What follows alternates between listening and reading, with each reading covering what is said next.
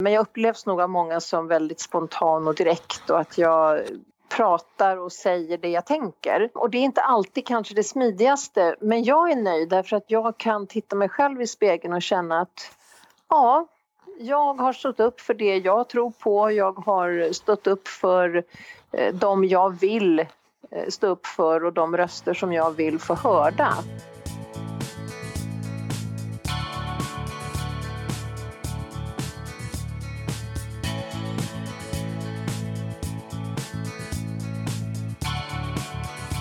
Och välkomna till Centerpodden igen. Min gäst idag är Nina Wallin i Södertälje. Eh, välkommen till podden. Tack så jättemycket Magnus. Du, eh, jag känner ju dig främst via eh, Facebook även om vi har träffats i verkliga livet några gånger också. Och jag har som med andra gäster försökt googla lite och sett vad du, vad du pysslar med och du, du har ju verkligen många järn i elden.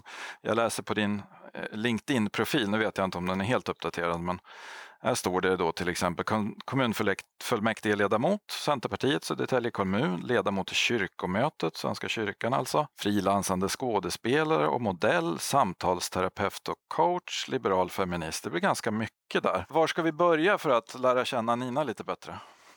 Ja, det är ganska brett eh, och olika kan eh, jag ju konstatera när jag hör det uppläst också du kan välja valfri bit för alla de där delarna är en viktig del av mig.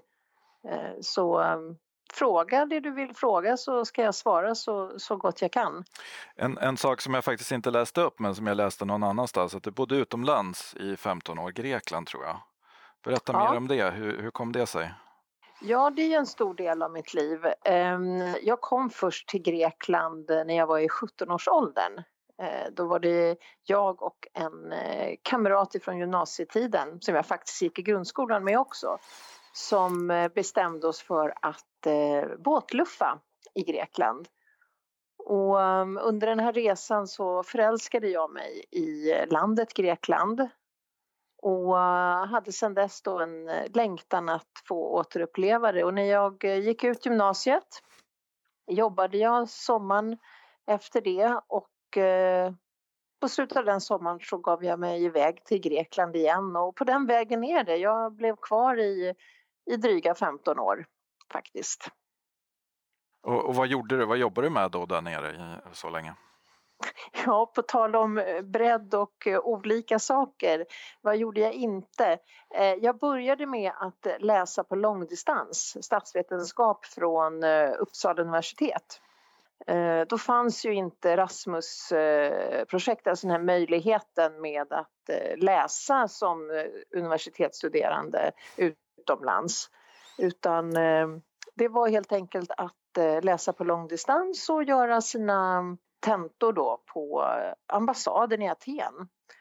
Parallellt med det så eh, gjorde jag en del jobb för eh, tv-serier och filmer i Grekland Eh, och på den vägen kom jag in eh, som eh, sedermera modell då och fortsatte även med skådespelarjobb och jobbade ganska länge inom media i Grekland. Och det är någonting du har fortsatt med här i Sverige. Du, du är skådespelare och har varit med lite på tv och filmer och så vad jag förstår. Ja precis. nu var väl den mest intensiva perioden var när jag bodde i Grekland. Eh, men sen när jag kom hem till Sverige 2002 så hade jag ingen eh, längtan eller lust eh, inom mig att ja, återuppta eller ägna mig åt skådespeleri eller modellande utan då utbildade jag mig till samtalsterapeut. Men jag återgick till den här branschen för tre år sedan.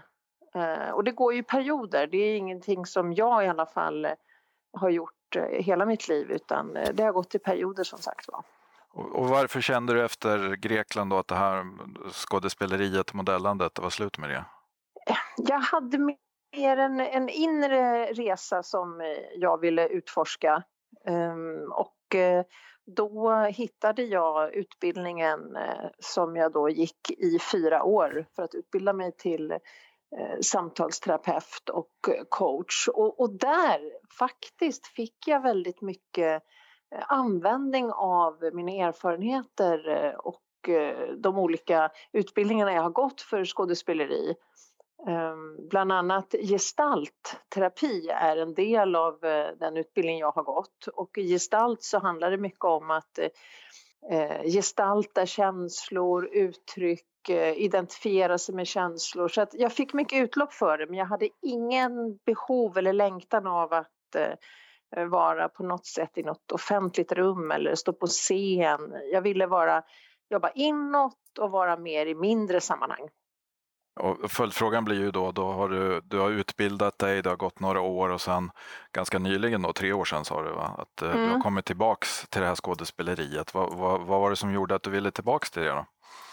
Jag kände att jag ville göra någonting som eh, väckte glädje inom mig och jag, jag är en person som, eh, har jag upptäckt när jag betraktar mig själv, eh, är väldigt kopplad till känsla och och eh, hur jag mår. Och när jag kände att ehm, nej men det här, det här är, det finns någon lust i detta, det finns en glädje och har gjort sedan barnsben. Så då tänkte jag, nej men jag, jag provar igen. Så då ehm, gick jag med i en eh, förmedling som förmedlar då olika eh, skådespelerijobb och modellande och så vidare. Men ehm, visste inte riktigt vad jag skulle förvänta mig. Och det var intensivt i eh, cirka två och ett halvt år. Och nu det, det, det, senaste året så har jag gjort eh, inte så många jobb utan mer ägnat mig åt politiken och, och, och den biten. Så det, det är mycket olika saker som händer om man säger så. Min uppfattning av dig både de gånger jag träffar dig i verkliga livet och på sociala medier att du, du verkar väldigt eh, glad, bubbly skulle jag säga på, mm. på engelska. Eh, mm. stämmer det? Är du, är du sån som person eller är, är det liksom eh, den uppfattningen man får bara? Eller hur, hur ser du på det? Det är nog både och. Jag är eh, fylld av känslor, eh, säger det jag känner eh, och det jag säger om dig är också det jag kommer säga till dig. Så jag är ganska rätt fram så. Sen om mina känslor alltid är åt det positiva hållet, det eh, är inte alltid så. Jag är en ganska eftertänksam och reflekterande person eh, som behöver eh, tid för mig själv i avskildhet.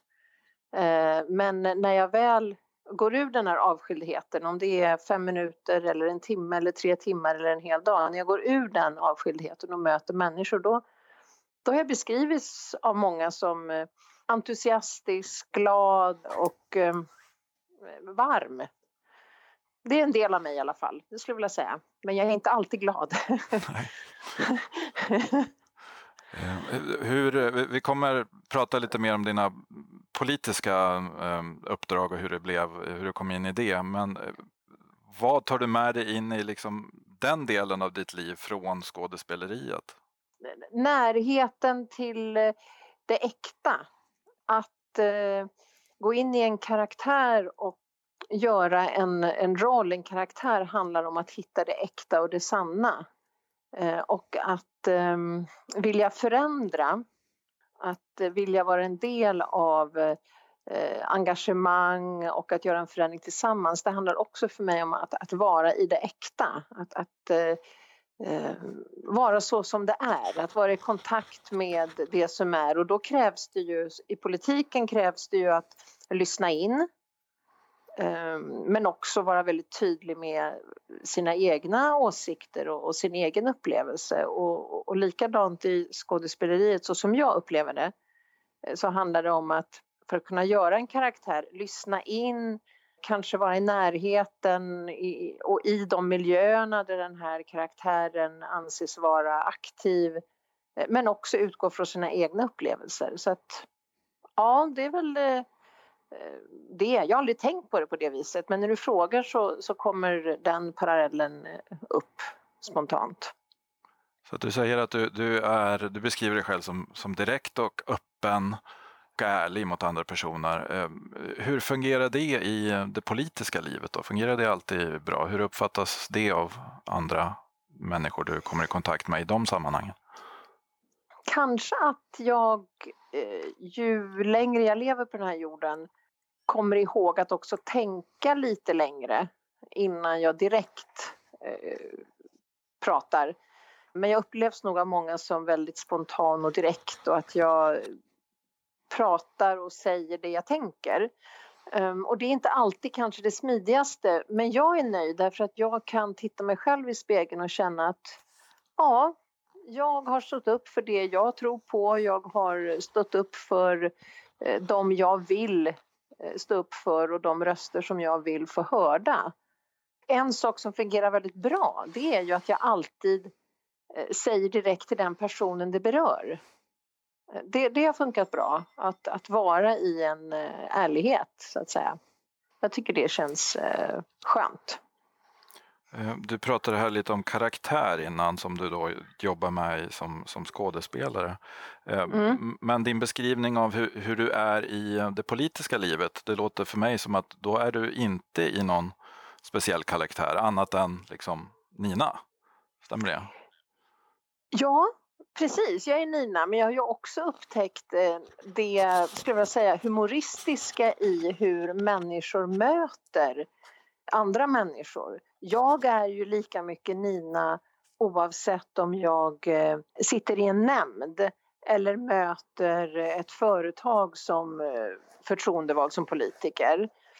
Eh, om jag är kyrkvärd eller om jag är tillsammans med min dotter i skolan eller om jag är på ett modelljobb eller om jag är skådespelare. Allt det där är ju jag.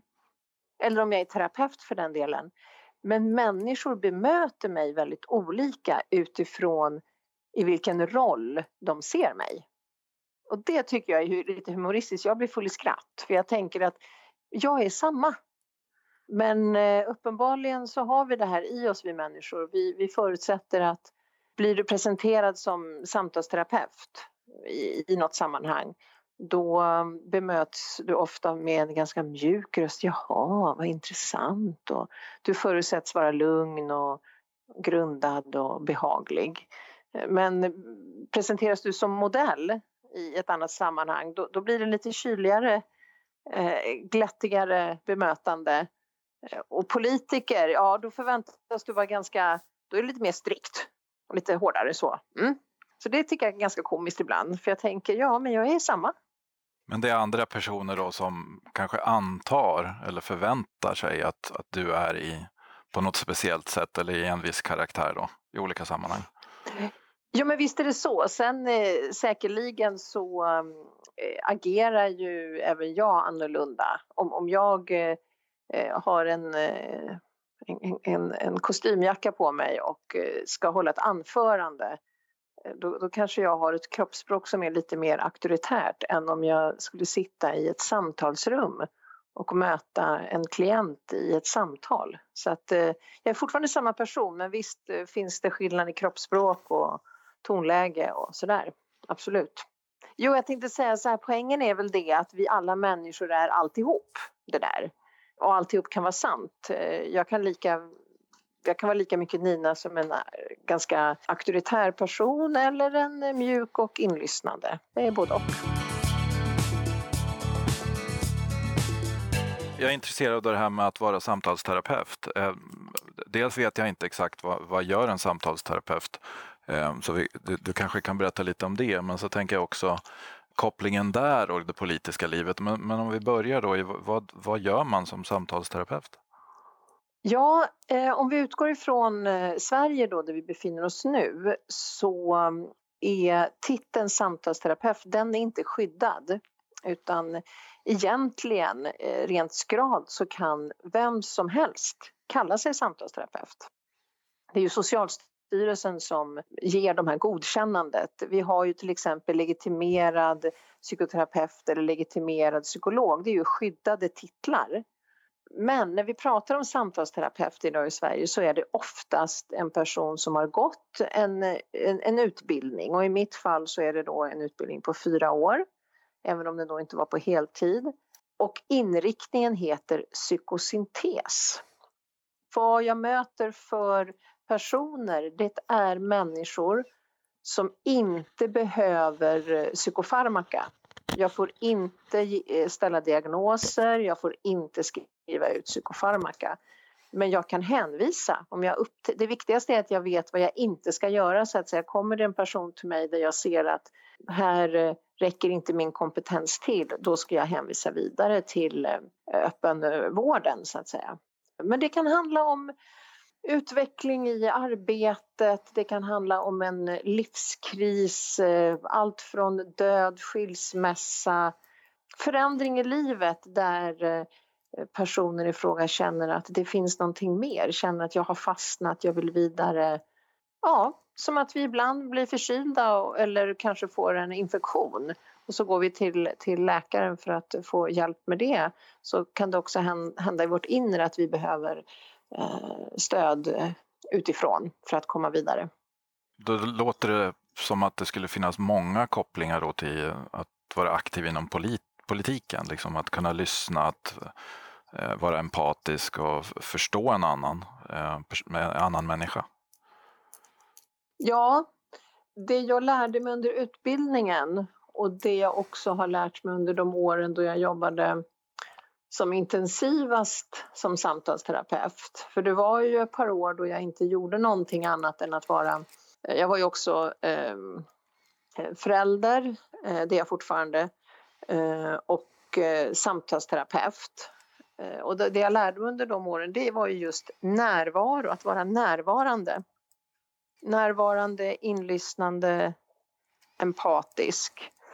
Men ändå att kunna hålla i sammanhanget. När en person kommer in i ett eh, samtalsrum med en samtalsterapeut då ska den personen inte behöva ta ansvar för starttid och sluttid och att och att, att det finns en relevans i samtalet. Det är samtalsterapeutens roll att, att, att hålla i det. Så att samtidigt som du är närvarande och inlyssnande och empatisk så har du också en viss struktur.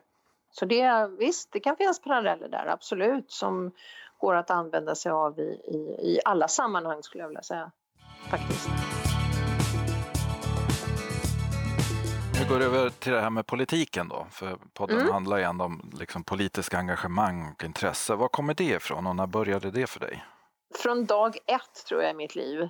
Jag har alltid varit väldigt eh, in, alltså jag har tagit in väldigt mycket om hur det är runt omkring mig och alltid eh, sökt eh, vad kan bli bättre. Jag, jag har skannat av omgivningen, hur, hur är det? och hur skulle det kunna vara och vad behövs för att ta sig dit. Så har jag funkat i alla lägen. En sorts, eh, en del av mina barndomsvänner, ungdomskamrater brukar kalla mig för en överlevare. Nu skulle jag hellre vilja säga upplevare men alltså en person som hittar en strategi för att, att, att, att komma vidare. Så det har alltid funnits. Sen var min pappa var väldigt eh, tydligt politiskt aktiv. Jag hörde mycket eh, politik hemma och mycket politik mellan min pappa och hans mamma. De var av helt olika åsikter. Och min pappa var väldigt eh, tydlig debattör och älskade att läsa böcker och gav mig böcker väldigt tidigt att läsa och så fick jag läsa och sen diskutera de här böckerna med min pappa. Han gick bort när jag var tio år. Men eh, betyder oerhört mycket för mig och väldigt stort avtryck i, i vem jag är som person.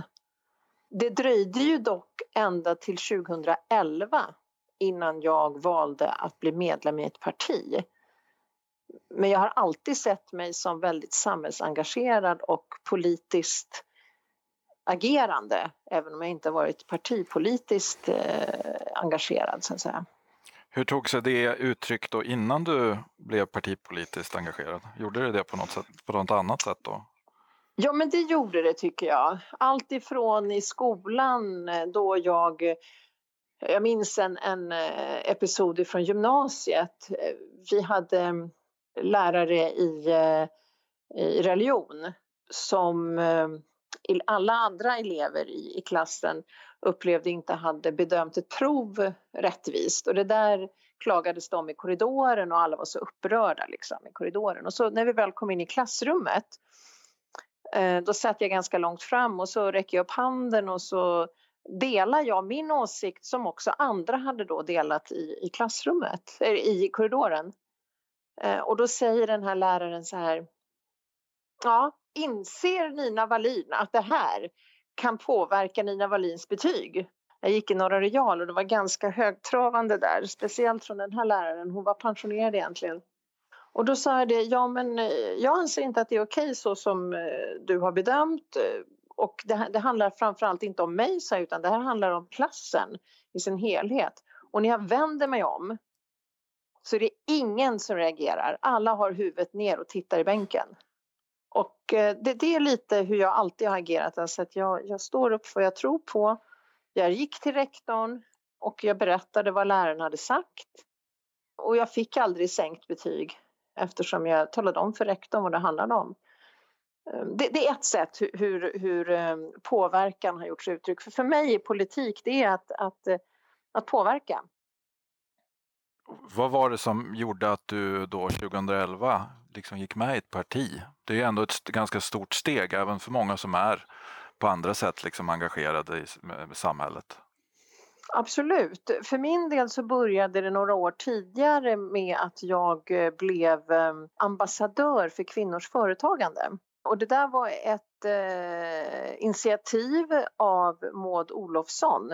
Och eh, vi var ett, eh, ja, vi var väl närmare 800 ambassadörer runt om i Sverige och vi hade ju då uppdrag från eh, den regeringen att, att vara just eh, förebilder och arbeta för att fler skulle vilja bli företagare och framförallt då få en mer mångfacetterad bild av vem kan vara företagare.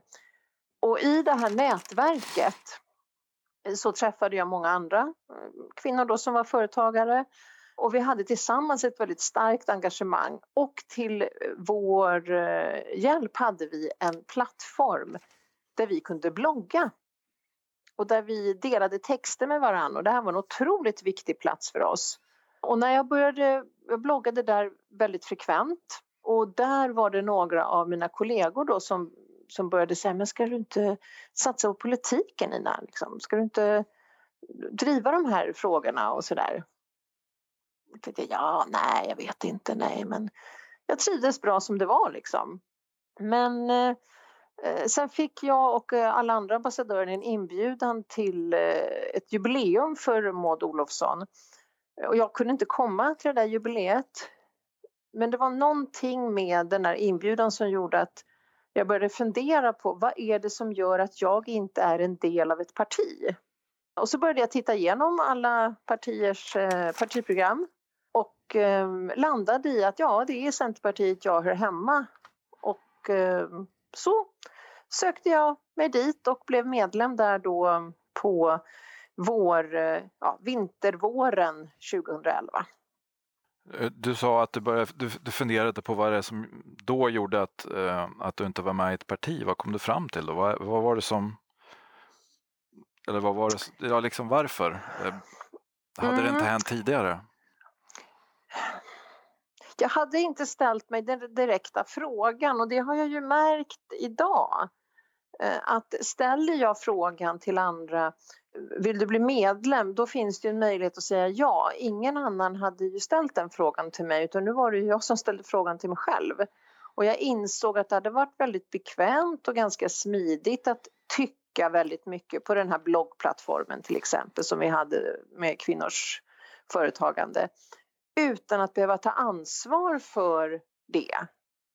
Jag behövde bara ta ansvar för min egen åsikt och, och, och, och så men jag funderade på hur är det att vara på andra sidan? Så upplevde jag det då, alltså människor som faktiskt fått oss till svars för besluten, som behöver följa upp och, och vara där långsiktigt och ihärdigt. Då tänkte jag okej, okay, det är dags att bekänna färg och se hur det är att vara där. Hur, hur är det att kunna påverka? Hur är det att skriva motioner och hur är det liksom att, att vara den som faktiskt kan fatta beslut som, som förändrar. Och, och på den vägen är det. Och hur blev du mottagen då när du väl hade gått med och började gå på möten och sånt? Hur blev du mottagen i partiet? Jag tycker jag blev mottagen väl. Eh, till en början förstod jag inte riktigt uppdelningen. Eh, det här med kretsar och avdelningar och så. Eh, jag eh, bodde precis som då i Södertälje men eh, hade egentligen mest tid i Stockholm. Jag hade mm, en egen mottagning där för samtalsterapi där även andra terapeuter hyrde in sig och, och jag spenderade mycket tid i Stockholm. Och eh, de eh, centerpartister som jag hade eh, sett och inspirerats av eh, det var Fredrik Federley. Eh, jag hade också sett Anna-Karin Hatt, Maud Olofsson och och Annie Lööf till viss del. Men Fredrik Federley var väl den som jag hade sett mest då på Twitter. Och av någon anledning så trodde jag att jag tillhörde Stockholm. Eh, så att jag blev lite förvånad när eh, jag inte gjorde det. Eh, men när jag väl hade förstått den här indelningen och, och, och alltihop så tog jag kontakt här med kretsordförande och kom på mitt första möte och ja, jag kände mig välkommen. Absolut. Och hur har det, det politiska engagemanget utvecklats över åren? Vad, vad har du för uppdrag idag till exempel? Ja, idag så sitter ju för det första Centerpartiet i eh, den styrande majoriteten här i Södertälje och det är ju eh, helt historiskt unikt. Eh, så bara det faktumet att få vara en del av det är ju helt fantastiskt, på tal om att få ta ansvar. Och i eh, den majoriteten då så eh, är vi ju ett lag här från Södertälje som har ett antal olika uppdrag och jag eh, är ordinarie i kommunfullmäktige. Jag är också ersättare i kommunstyrelsen och det är också någonting helt fantastiskt att vi är två i kommunstyrelsen för Centerpartiet. Vår gruppledare eh, Tage Gripenstam är vice ordförande där. Vi har ehm, personunion som det heter, alltså att samma personer som sitter i kommunstyrelsen sitter också i koncernstyrelsen. Så där har jag också en plats. Jag eh, sitter i ett utskott som heter hållbarhetsutskottet som då ligger under kommunstyrelsen. Och jag är Eh, Eh, ordinarie och tillika gruppledare i utbildningsnämnden för Centerpartiet. Eh, så det är mina politiska uppdrag eh, för partiet rent politiskt. Sen på den organisatoriska sidan så är jag vice ordförande för Centerpartiets krets här i Södertälje.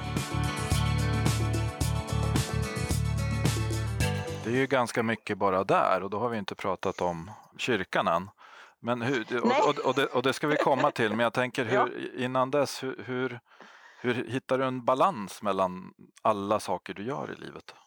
För mig så känns det väldigt viktigt att eh, kontinuerligt eh, fånga upp mig själv och eh, just använda mig av den här närvaron, att se var är jag, vad gör jag och hur, och hur är det? Och det är viktigt för mig att det finns ett, en synkronicitet, alltså ett samband och att jag hittar en, en, en tråd som, som går igenom det jag gör. Så att det inte är splittrat utan att det finns en enhet i det och att de göder varandra. Så det är så jag hittar balansen skulle jag vilja säga. Faktiskt. Men det är en utmaning, absolut är det en utmaning.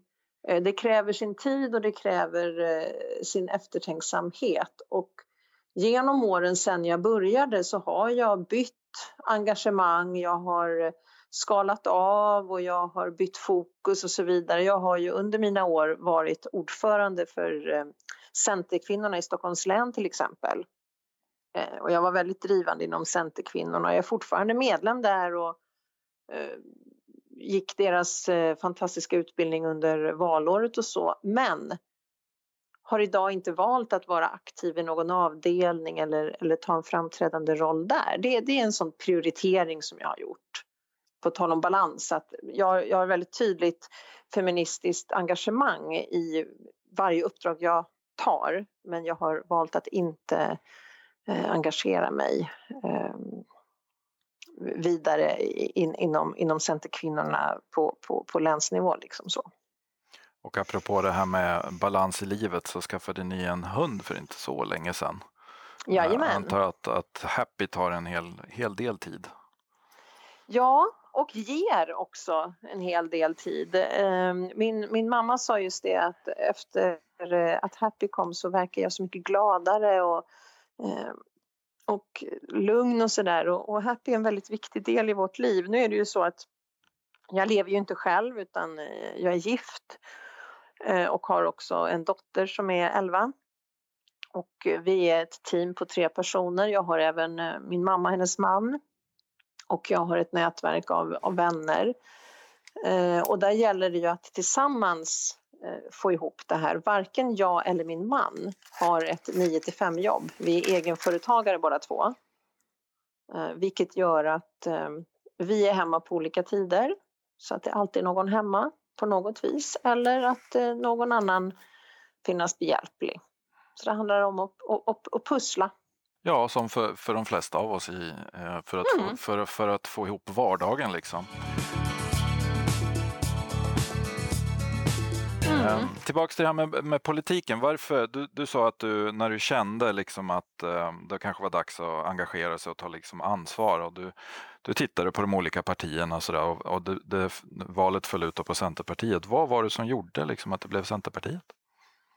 Ja, för mig var det väldigt viktigt med eh, individens frihet. Eh, det här går hand i hand också med mitt val av utbildning till samtalsterapeut. Det, det, och det går genom hela mitt liv, min frihetsträngtan och min ovilja till att eh, sätta etiketter och epitet på andra människor precis som jag inte vill att någon ska göra det till mig. Och jag upplevde att eh, i Centerpartiets värderingar men också i sakpolitiken så fanns det en grund och verktyg för människors frihet. Och jag tyckte om och jag tycker om balansen mellan eh, det sociala, alltså att det ska finnas ett socialt skyddsnät. Vi, vi, lever i ett samhälle där vi ska kunna finnas för varandra och ta vid när den andra inte räcker till av någon anledning. Och samtidigt så går människan före systemet. Eh, jag har ifrågasatt eh, fyrkantighet, standardiseringar och eh, likformighet hela mitt liv, ända sedan jag var liten. Och, och, och, då var ju, och är Centerpartiet det partiet som, som är tydligast i att det kan vara olika. Vi är olika och vi ska få vara olika. Men vi har alla samma värdighet, samma rätt till Eh, ett värdigt liv och ett värdigt bemötande. Men det som är bra för mig behöver inte vara bra för dig. Utan det, det, det ska individen själv i, i största möjliga mån kunna få utforma. Eh, och, och, där hittade jag rätt i Centerpartiet tillsammans med ett miljöengagemang som var viktigt och eh, även den fria företagsamheten, alltså att att, att hitta egenföretagandet, det lilla och inte det stora. Eh, ja, det, så många pusselbitar, alltså det, det är eh, så många pusselbitar som föll på plats för mig. Det låter som att det bara liksom stämde. Du gick med 2011 och nu mm. har vi precis inlett 2019. Har din syn på partiet förändrats någonting under åren, de här åren?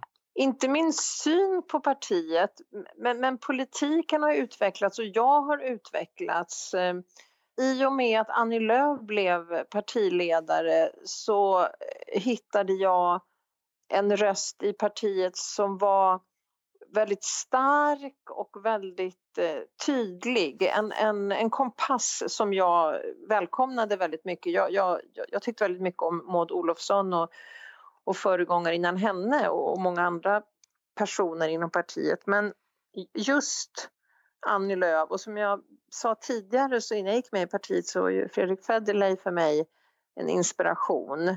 Och, och det finns flera där, men jag skulle inte säga att min syn på partiet har förändrats, nej. nej. Utan det, jag, jag, känner mig trygg och det är någonting jag ifrågasätter också. Jag är en, en person som utvärderar och när det inte känns rätt, då är jag inte med i det sammanhanget längre. Eh, jag brukar gå efter devisen att eh, okej, okay, gilla läget som, som det är och verkligen acceptera det då till fullo. Eller försök att förändra det, förändra det eller gå. Så, det, mm. det finns bara tre lägen. Och, och, i det här fallet så, så trivs jag där jag är och jag känner att det är högt i tak och det går att förändra och jag är väldigt, väldigt glad att få vara med i det här sammanhanget faktiskt och mm. stolt. Jag tänker att vi, vi, vi avslutar här med en, en, annan stor del av ditt, liksom, eh, av, av, vem du är och ditt engagemang och det är kyrkan. Ja. Eh, och, och, du blev invald i kyrkovalet här till kyrkomötet till exempel. Hur kommer sig det kyrkliga engagemanget? Var kommer det ifrån? Ja, ehm, det är också någonting som eh, fanns med mig från eh, tidig, tidig, tidig barndom. Jag eh, såg mig själv som troende som litet barn. Växte upp i en familj där det var inte uttalat några etiketter som att vi är kristna och så vidare utan snarare helt ifrån mig själv. Däremot så växte min pappa upp i en familj där eh, min farfar då var eh, frikyrkopredikant och han kom från ett sammanhang med väldigt tydligt uttalad eh, vi är kristna. Så. Och min pappa valde att göra revolt mot detta och eh, uttalade faktiskt eh, eh, att han var ateist. Någonting som jag skulle motsäga mig. Han vet ju själv vad han var men det var mer en etikett skulle jag uppleva som ett motstånd mot vad han upplevde var fel med dåtiden och eh, det sammanhanget han kom ifrån. Med det sagt så brottades jag med de här frågorna ganska mycket som liten. Jag gick i söndagsskolan, eh, Eh, jag ifrågasatte ehm, en del av eh, min farmor och farfars regler och syn på eh, Jesus och kristen tro. Vilket gjorde att jag verkligen fick utveckla mitt eget. Sen kom ju den här väldigt svåra tiden när min pappa gick bort. Och mm, det gjorde också att jag hade väldigt, alltså den andliga delen, den, den, den, ehm, de existentiella frågorna har spelat en väldigt stor del av mitt liv. Väldigt, väldigt stor del. Sen när jag kom i åldern för konfirmationen, då hade jag den stora, stora glädjen att få konfirmeras av Lars Kolmar. Och Lars Kolmar, han bekräftade allt det som jag upplevde och kände som mycket liten. Att, att Gud är kärlek. Eh, och eh, att kärleken är störst av allt och om det är någonting som vi ska ta med oss ifrån eh, Bibeln så är det var inte rädd och du är älskad. Det, det var fantastiskt att få bli konfirmerad av Lars Kolmar. Sen fortsatte livet. Eh, jag kom ju till Grekland sedermera och i Grekland så är det ju ett sammanhang där allting kretsar kring kyrkan, alla högtider, ehm, sammankomster, namnsdagar. Så, så kyrkan var en naturlig del och jag, jag gick i den ortodoxa kyrkan. Hade också kontakt med Svenska kyrkan i utlandet i, i Aten. Men eh, när jag gick i kyrkan då var det främst i den ortodoxa. Så eh, ja, jag, jag är gift i, i eh, Adolf Fredriks kyrka. Jag bodde i Grekland men vi åkte hem hit till Sverige och gifte oss. Eh, min dotter är döpt i Adolf Fredrik. Det är också Adolf Fredriks kyrka som min pappa begravdes. Och när min dotter föddes eh, då blev det naturligt för mig att söka mig till församlingen för den öppna förskolan då. Och, och på den vägen är det. Aktiv eh, församlingsmedlem, gudstjänstfirande och, och vara i en gemenskap som jag känner mig väldigt hemma i och för mig så klingar Svenska kyrkan helt i, i samklang med min övertygelse och eh, mina värderingar om alla människors lika värdighet, att stå upp för varje människa och bemöta varann värdigt. Det, det, det, det är väldigt viktigt för mig och där känner jag att eh, jag hittar hem när jag är i, i det sammanhanget. Och du har ju då i eh, kyrkovalet valt att ställa upp då på eh, Centerpartiets eh, lista som nomineringsgrupp, mm. liksom jag gjorde också. Eh, mm. Hur, hur, en vanlig, vanligt förekommande fråga i kyrkovalet då var ju att eh, kritiken mot de som ställer upp, liksom, de partier som ställer upp som nomineringsgrupp i Svenska kyrkan. Hur, hur ser du på den? Hur bemöter du sån kritik? Jag har själv ställt mig de frågorna. Vad är det som eh, argumenterar för eh, och emot så att säga? Och, och, och, så fungerar jag ofta att jag eh, strävar efter att se jaha, ur, ur, ur, varifrån kommer de, den här frågan? Liksom, hur, hur, hur, hur, tänker du som ställer den frågan? Och, och, jag har strävat efter att besvara den själv och jag har landat i att jag är, jag är samma person jag vill vara med och bidra med det jag kan för att det samhälle jag bor i, det land jag lever i, den jord jag är verksam på ska fungera och vara hållbar och, och, och vara trygg.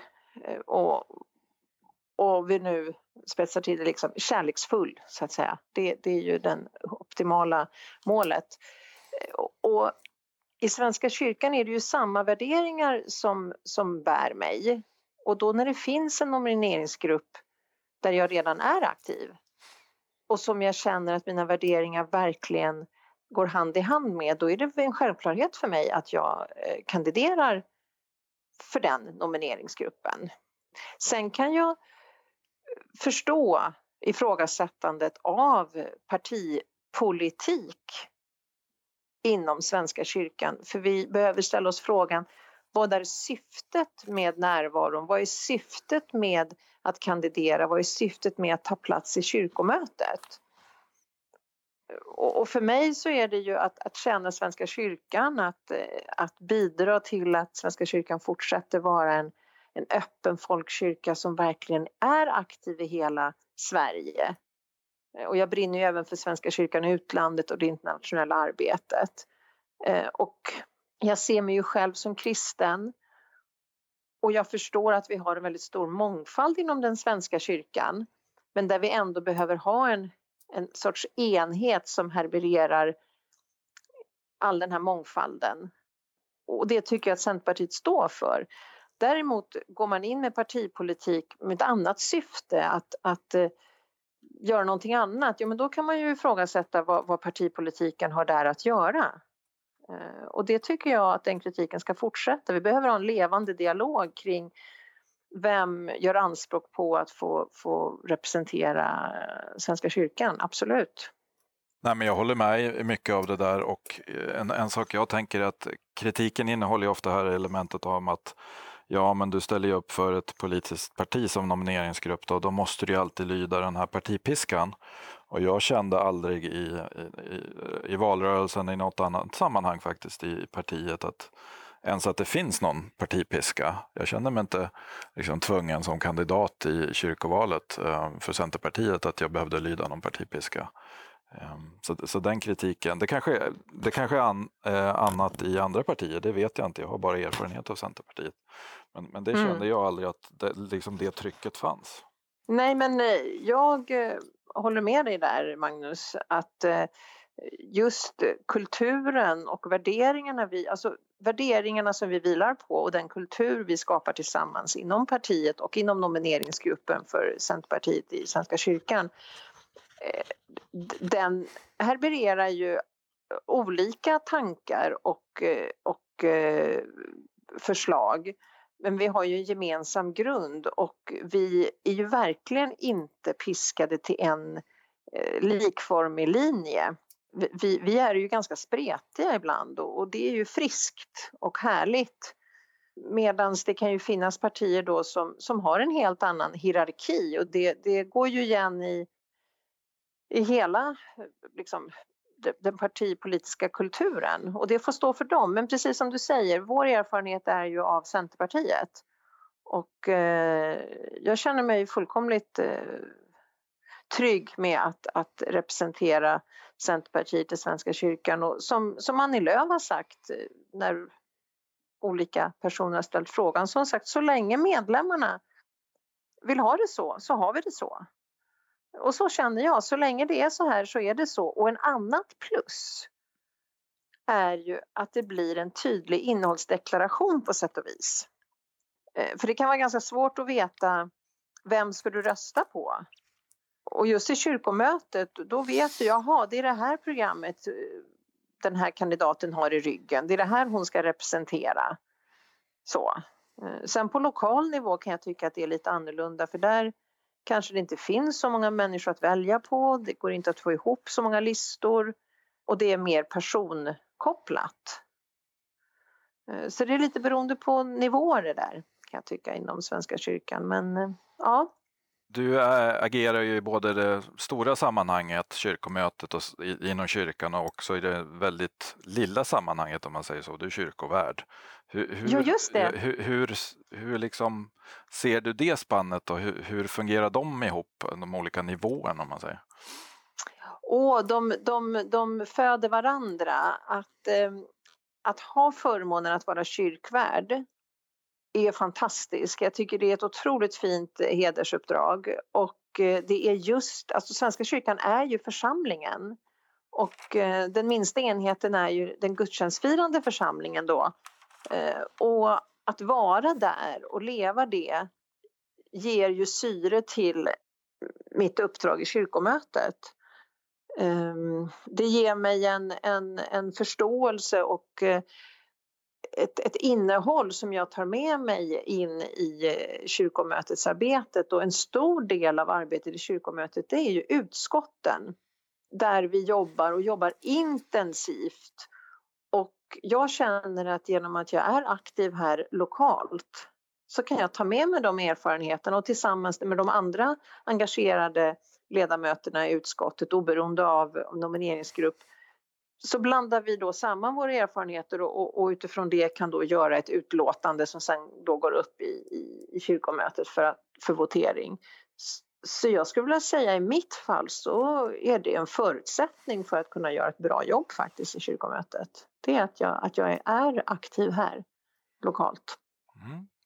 Väldigt intressant och jag tror vi, det kommer finnas tillfälle att återkomma till Svenska kyrkan och kyrkliga aktiviteter för det, det är ju ändå ett kyrkoval här igen om, om något år. Den är inte så långt mm. fram i tiden. Eh, så att vi kan återkomma till det. Det är ett intressant samtal eh, med dig Nina, men jag har två frågor som jag alltid avslutar med, eh, med alla okay. jag pratar med.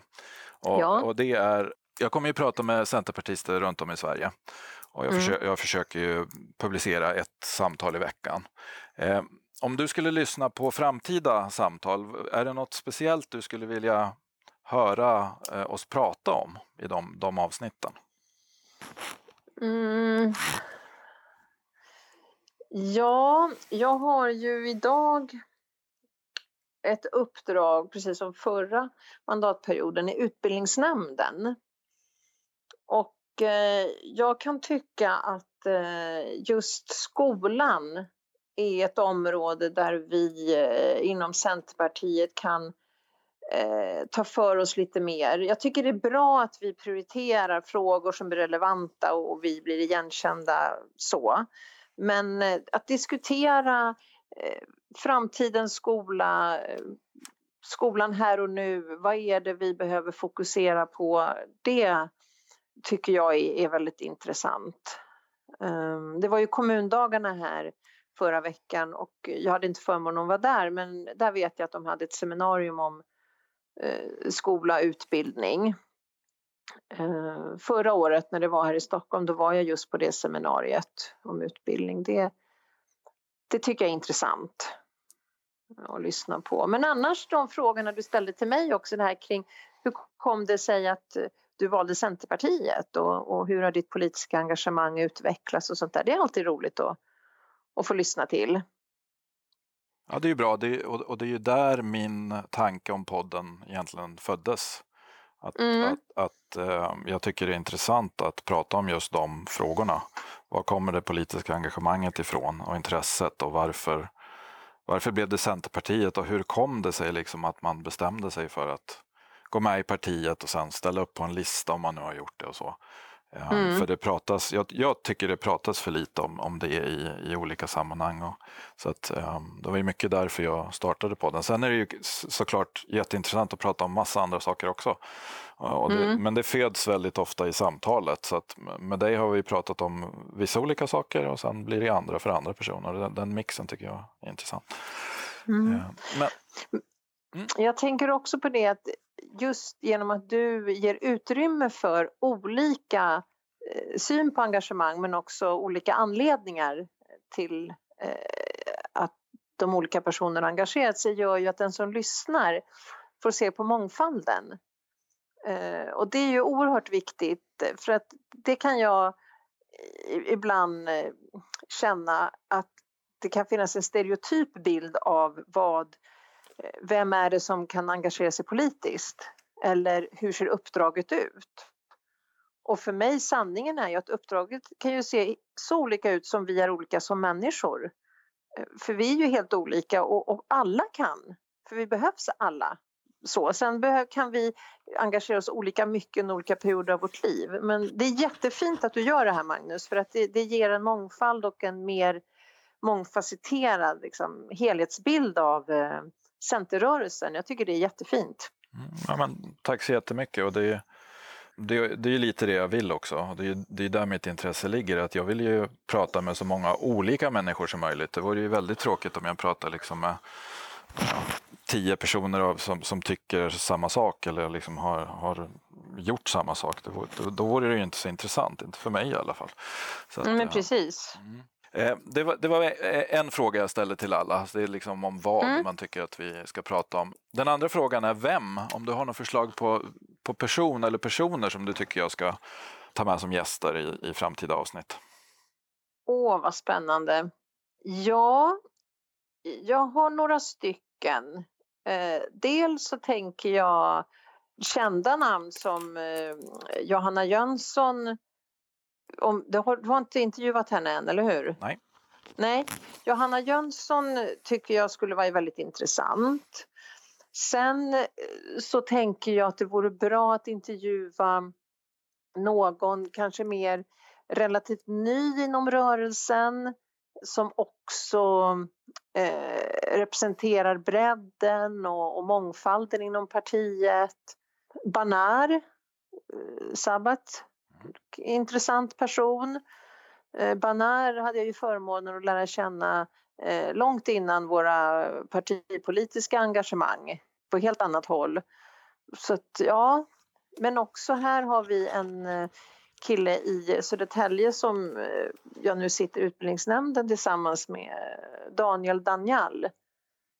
Ja, lite så. Men jag är säker på att du har bra koll på spännande och intressanta personer med allt ifrån ja, men ordförande kanske för Centerstudenter eller ordförande för eh, Mångfaldsnätverket till helt nya medlemmar som kanske blir medlemmar förra månaden. Mm. Det skulle vara kul. Någon som helt, helt ny steg in i partiet. Det skulle vara jättekul. Absolut. Uh, ja, ja. Mm. nej, men, bredd på många olika sätt tänker jag. Det, det är alltid eh, spännande. Precis, och vet du vad jag kom på nu? Eh, Centerpartiets seniornätverk. Det är ju också spännande. Ja, ja det finns eh, SUF, men liksom, vi är ju så, så stor, alltså, stor bredd om man säger. Det är verkligen en folkrörelse. Och jag blir helt eh, entusiastisk när jag tänker på det. Det är helt fantastiskt. Ja, visst är det. Alla människor som liksom samlas och eh, gör olika saker i hela Sverige. Japp. Ehm, det är lite sidospår, jag har sagt det på podden förut, men eh, också grundläggande till varför jag startade podden var, jag har ju poddat förut, men det har nästan alltid varit ett problem att hitta gäster. Vem ska man prata med? Mm. Eh, och jag har ju sen, sen jag gick med i partiet och började då som politisk sekreterare här i Västerås eh, för Centerpartiet snart tre år sedan, lagt till alla centerpartister jag hittar på Facebook som vänner. Så att nu, mm. nu har jag ju 1800 vänner någonstans och de flest, allra flesta är ju centerpartister. Så att, eh, där finns det ju en guldgruva att börja ösa ur. Eh, och även om jag, Men verkligen. jag kan ju fortsätta, ja alltså jag hinner ju, jag hinner ju aldrig igenom alla så att eh, det, det, det, löser en, en, liksom ett praktiskt problem med det här på ett, på ett ja, men bra visst. sätt. Ja men precis, jag tänker nu har vi ju EU-valet här framför oss. Så att eh, några sådana ligger väl i pipeline kan jag tänka mig. Eh, det är alltid intressant också att få lyssna till dem. Men du har haft några av EU-kandidaterna, eller hur? Ja, jag har haft Abir och eh, mm. Emma Wisner. Har jag haft ja, men precis. Och, och, det, jag har pratat med några till som kommer här under våren i alla fall. Så att, mm. ja, nej, men absolut. Men jättebra Nina, tack för samtalet. Det var väldigt många olika infallsvinklar, högt och lågt och jättekul mm. att lära känna dig lite bättre. Mm, tack själv, tack själv. Och jag tyckte det var väldigt spännande att få kasta sig ut helt eh, oförberett och bara vara i eh, samtalet här och nu. Jag uppskattar det verkligen för det gav mig också väldigt mycket. Vad, vad är det som kommer upp och, och vad, vad, vad var det jag svarade egentligen? Det är ganska spännande att se vad man först tänker på.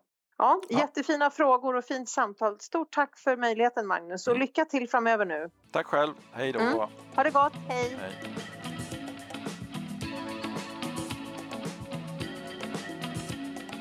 Tack för att du lyssnade på ännu ett avsnitt av Centerpodden. Hör gärna av dig om du vill vara med som gäst. Du hittar podden på centerpodden.se, på Facebook och Twitter och där poddar finns. Till nästa gång, på återhörande.